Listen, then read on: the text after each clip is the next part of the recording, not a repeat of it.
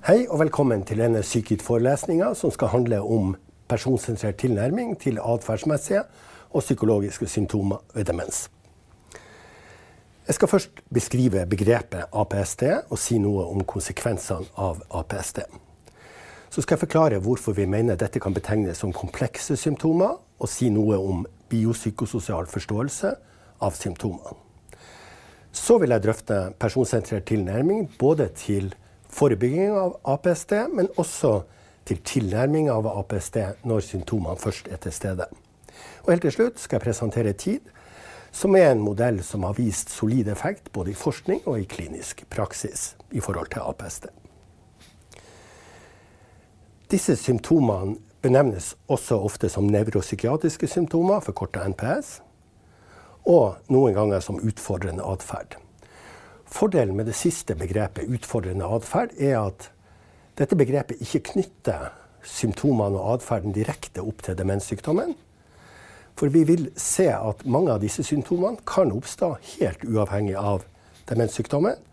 Og veldig ofte som et samspill mellom demenssykdommen hos personen og omgivelsene. Men hvilke symptomer er det egentlig vi snakker om? I denne figuren her så framgår det fem vanlige forekommende atferdssymptomer. Det første er aggresjon. Og i aggresjonsbegrepet ligger aggresjon mellom beboere, aggresjon fra beboer mot personale, mot pårørende og også mot invitar. Så har vi apati, manglende hemninger, irritabilitet og avvikende motorisk atferd. Med avvikende motorisk atferd så mener man ofte personen som ikke finner ro, og som går kanskje hvileløst omkring. Disse symptomene er målt på den måten her i sykehjem at de er til stede minimum én gang i uka og med minimum moderat intensitet. Her er fem eksempler på psykologiske symptomer hos personer med demens. Vrangforestillinger, hallusinasjoner, depresjon, angst og oppstemthet. Og her ser vi at disse symptomene har en frekvens for vrangforestillinger, depresjon og angst på rundt 20% mens det for hallusinasjoner ligger rundt 10% Oppstemthet rundt 5% Konsekvensene av APSD er alvorlige. Og det er jo særlig for personen som har demens. Det er ofte en person som kjemper en kamp, primært for å bli forstått, kanskje få forklart behovene sine, selv om vedkommende har store vansker med kommunikasjon pga. et redusert verbalt språk. Disse symptomene medfører redusert livskvalitet. Demenssykdommen ser ut til å utvikle seg raskere. Og det er økt risiko for innleggelse i institusjon, som sykehjem f.eks. Og det er også denne gruppa personer med demens som er mest utsatt for overgrep fra pårørende, fra personalet eller fra andre beboere. Overgrep og forsømmelse. Og så er det jo selvfølgelig en stor belastning for personalet, og også for pårørende. Og det kan sågar medføre skader på disse. Da skal jeg gå over til å si noe om hvordan man kan forstå disse symptomene. Hva er det som utløser dem, og hva er det som holder symptomene og atferden ved like. Og det er nødvendig for å kunne gjøre det som er hensiktsmessig, både for å forebygge APSD, men også for å tilnærme oss hensiktsmessig når først APSD er oppstått. Det er vanlig å beskrive disse symptomene som multifaktorielle og komplekse. At de er multifaktorielle, det betyr at det for en og samme person på en og samme tid og for ett og samme atferd eller symptom så finnes det flere utløsende og flere vedlikeholdende faktorer på en gang. Denne modellen viser det multifaktorielle aspektet ved APSD. Her er utløsende og vedlikeholdende faktorer delt inn i ni grupper. Utløsende faktorer blir ofte benevnt som triggere. Men det er ikke noe skarpt skille mellom det som utløser og det som vedlikeholder disse symptomene. Blant disse ni gruppene er bare én av dem selve demenssykdommen. De andre kan f.eks. være biologiske faktorer, sånn som smerte, somatisk sykdom, legemiddelbevirkning. Det kan handle om samhandling mellom personal og personen med demens. F.eks.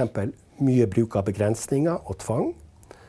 Eller sviktende kommunikasjon, dvs. Si at personalet ikke har klart å tilpasse kommunikasjonen til det kognitive nivået som personen har.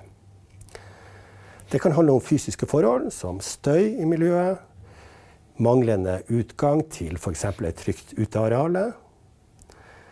Og det handler av og til også om udekte behov hos personen sjøl, som tørste, ernæring, kjedsomhet, passivitet. Vi skal huske på at personer med demens, ofte, i hvert fall ved moderat eller alvorlig demens, ofte vil ha vansker med å uttrykke sine behov. Og det kan også handle om persons tidligere mestringsegenskaper, som veldig ofte ikke blir noe bedre i forløpet av demenssykdommen. Og den siste av de ni gruppene er delirium, som er, kan beskrives som en akutt hjernesvikt på toppen av selve demenssykdommen, men da utløst av en fysisk somatisk tilstand. Dette var det multifaktorielle med APSD. Men hva betyr det at symptomene er komplekse? I vanlig dagligtale så skiller vi ikke mellom det kompliserte og det komplekse. Ofte så framstår det komplekse som mer vanskelig. Men jeg skal prøve å forklare hva man mener med komplekst, sånn som det ses i lys av kompleksitetsteori. Fordi APSD ser vi på som komplekse symptomer. En bil som står i ro på bakken, kan betegnes som komplisert.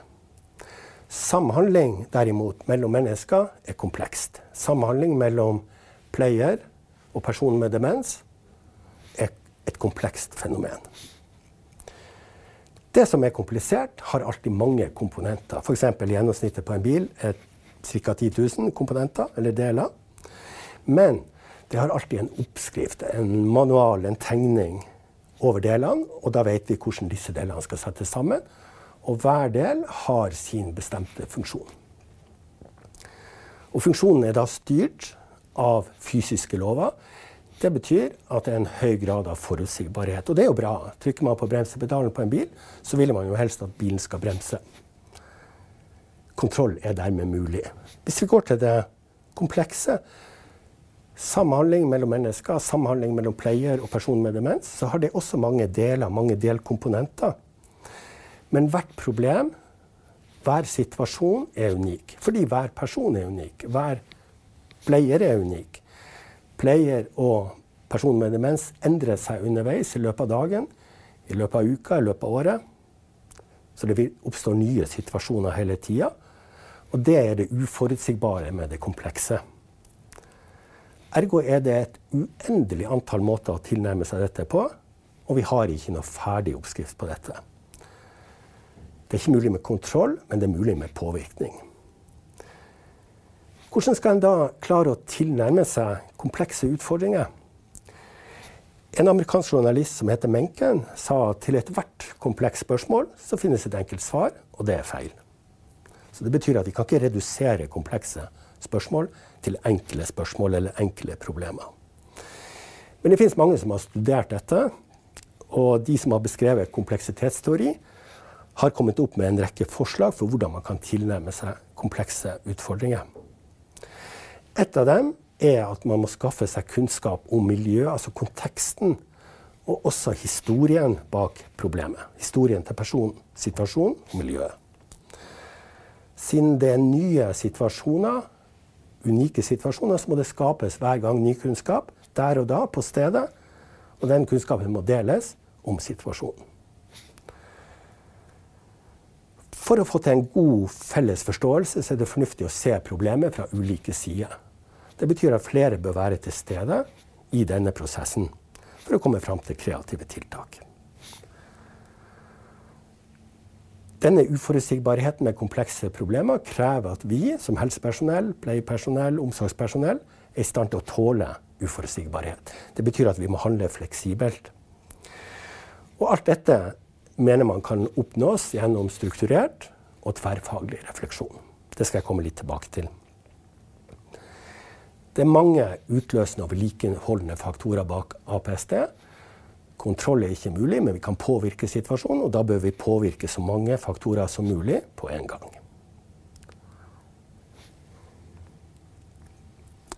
Dersom vi også skal sikre en personsentrert tilnærming til APST, slik som det er nedfelt i Nasjonalfaglig demensretningslinje, så må vi bygge på en personsentrert omsorgsfilosofi. VIPs rammeverket, slik som det er beskrevet av Don Brooker, bruker bokstaven VIPS. V det står for verdi, altså at hvert menneske har en egenverdi, helt uavhengig av type svikt. Alle er ulike. Det betyr at vi må behandle personene individuelt. Det passer jo veldig godt med det som jeg har sagt om kompleksitet, og hvordan man tilnærmer seg komplekse utfordringer. Man må alltid forsøke å ta persons perspektiv, det er altså P-en, helt uavhengig hvor personen er i demenssykdommen. Vi vet at selv ved langkommen demens er det mulig å gjøre dette ved å samtale med personen og ved å samtale med pårørende. Og så må man bygge sosiale bånd, lage et støttende sosialt miljø, bevare gamle, og også bygge nye relasjoner. Hvordan dette kan gjøres i praksis, skal jeg nå komme til. Og jeg skal starte med å snakke om forebygging av APST. En filosofi personsentrert omsorgsfilosofi må jo omsettes i praksis. Og det kan bl.a. gjøres ved å ta i bruk ulike modeller eller verktøy, sånn som TID-modellen, som jeg skal forklare nærmere om senere, VIPS praksismodell, Demensia care mapping, Martimeo og strukturert miljøbehandling. Hovedformålet med disse verktøyene og modellene er å komme fram til individuelle tiltaksplaner, pleieplan, omsorgsplan og aktivitetsplaner. Og så må man passe på den somatiske helsa ved å gjøre somatisk regelmessig status av beboere. Legemiddelgjennomgang bør gjøres regelmessig. Dette handler jo om disse utløsende og vedlikeholdende faktorene som jeg var inne på i sted. Se på det fysiske arealet, omgivelsene. Er det mye støy? Hvordan er muligheten for å komme seg ut til et trygt miljø? Pårørendesamarbeid bør systematiseres. Pårørende er en viktig kilde til pasientens perspektiv. Og samtlige studier som har sett på forebygging av APST, konkluderer med at ledelsen er helt avgjørende, at den er nær og faglig ledelse for å kunne gjennomføre disse tiltakene. Jeg skal dvele ved to hovedpoenger når det gjelder personsentrert tilnærming. Og det ene er personens perspektiv. Det finnes nå en samtaleguide som man kan laste ned fra Aldring og helse, som heter 'Min livshistorie hvem er jeg?' Og det er et godt utgangspunkt for å prøve å forstå personens perspektiv. Her kartlegger man personens ressurser, man kartlegger verdier. Hva tror personen på? Hva liker personen? Personens preferanser. Og man prøver også å lage et nettverkskart nettopp for å bygge opp dette sosialt støttende miljøet og ta vare på relasjonene. Det andre poenget som jeg tenker er viktig når det gjelder forebygging av APSD, det er det som Sabbat kaller for posisjonering. Hva mener han med det? Jo, han sier at posisjonering er å tilskrive symptomer og atferd kun til hjernesykdommen uten å ta personsperspektiv eller andre faktorer med i betraktning om situasjonen. Så det er på en måte det motsatte av det vi ønsker å gjøre, nemlig å lage en enkel løsning på et komplekst problem. Jeg skal ta et eksempel på det en person med demens som viser sinne, så sier man at dette skyldes demenssykdommen, uten å ta i betraktning at personen faktisk er blitt oversett f.eks. i en samtale som handler om en sjøl. Eller at personalet ikke har tid, av ulike årsaker, til å følge pasienten ut i løpet av dagen når det er et reelt behov for beboeren. Eller å behandle aggresjon kun med antipsykotika, dvs. Si å redusere det til kun et kjemisk problem i hjernen. Selv om en gjennomfører grundig forebygging, så vil det jo likevel oppstå APST. Det vet vi av erfaring, og det handler jo også delvis om dette uforutsigbare med APSD. Det krever av og til ytterligere tiltak. da. Men det er stor grad av overlapping mellom tiltakene med forebygging og tilnærming til APSD når det først er oppstått. Dette med å samtale med personen, personen med livshistorie, sykehistorie, somatisk undersøkelse, legemiddelgjennomgang, er noe som må gjøres på begge stedene. Men det kommer noe i tillegg som jeg skal beskrive nå. Og det er dette med utredning. Kanskje det aller viktigste her er observasjon og beskrivelser. Så man må lære seg til å kartlegge disse symptomene og denne atferden systematisk. Og I praksis er det fem spørsmål man må forsøke å besvare. Det er hva er det som skjer, når skjer det, hvor ofte, sammen med hvem og i hvilke situasjoner. Og med fordel så kan man gjøre dette ved hjelp av en døgnregistrering over en uke eller to. Hvis man har anledning til det. Så bør man passe igjen på dette med somatisk status, undersøke personen fysisk, gå gjennom legemidler med tanke på bivirkninger. Så samler man all denne informasjonen til en felles refleksjon med så mange som mulig til stede, for å skape en felles delt forståelse i gruppa som jobber med rundt pasienten. Og så lager man på dette et, sånt møte et tiltaksplan med flere punkter som man ønsker å gjennomføre først. Og da er det miljøtiltak først og fremst. Alle nasjonale, internasjonale retningslinjer er veldig tydelige på at miljøtiltak bør prøves først, dersom det er mulig. Fordi medikamenter har som regel beskjeden effekt, og er ofte assosiert med alvorlige bivirkninger. Man må ha en måte å evaluere tiltakene på hvordan skal det evalueres? Skal man bruke noe kartleggingsverktøy for det? Og når skal det skje? Verktøy eller modeller som har vist effekt mot APSD, er også nyttig å bruke i denne sammenhengen. Og her er tidmodellen kanskje i en særklasse. Vi på alle psykiatriske avdelinger og også ute på sykehjemmene kombinerer den ofte med Martimeo-metoden. Nå skal jeg si litt til slutt om selve tidmodellen. Det er en modell i tre faser, og det er personsentrert omsorg i alle fasene. Personalet lærer en analysemetode fra kognitiv terapi, som, for, som blir kalt for ABC-metoden.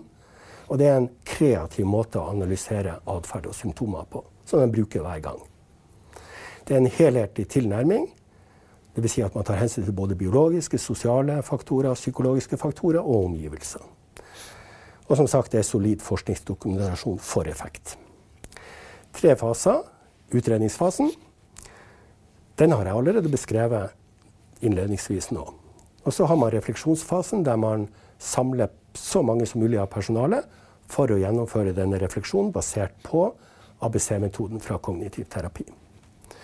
Man lager et sett av tiltak og planlegger hvordan man skal evaluere dette.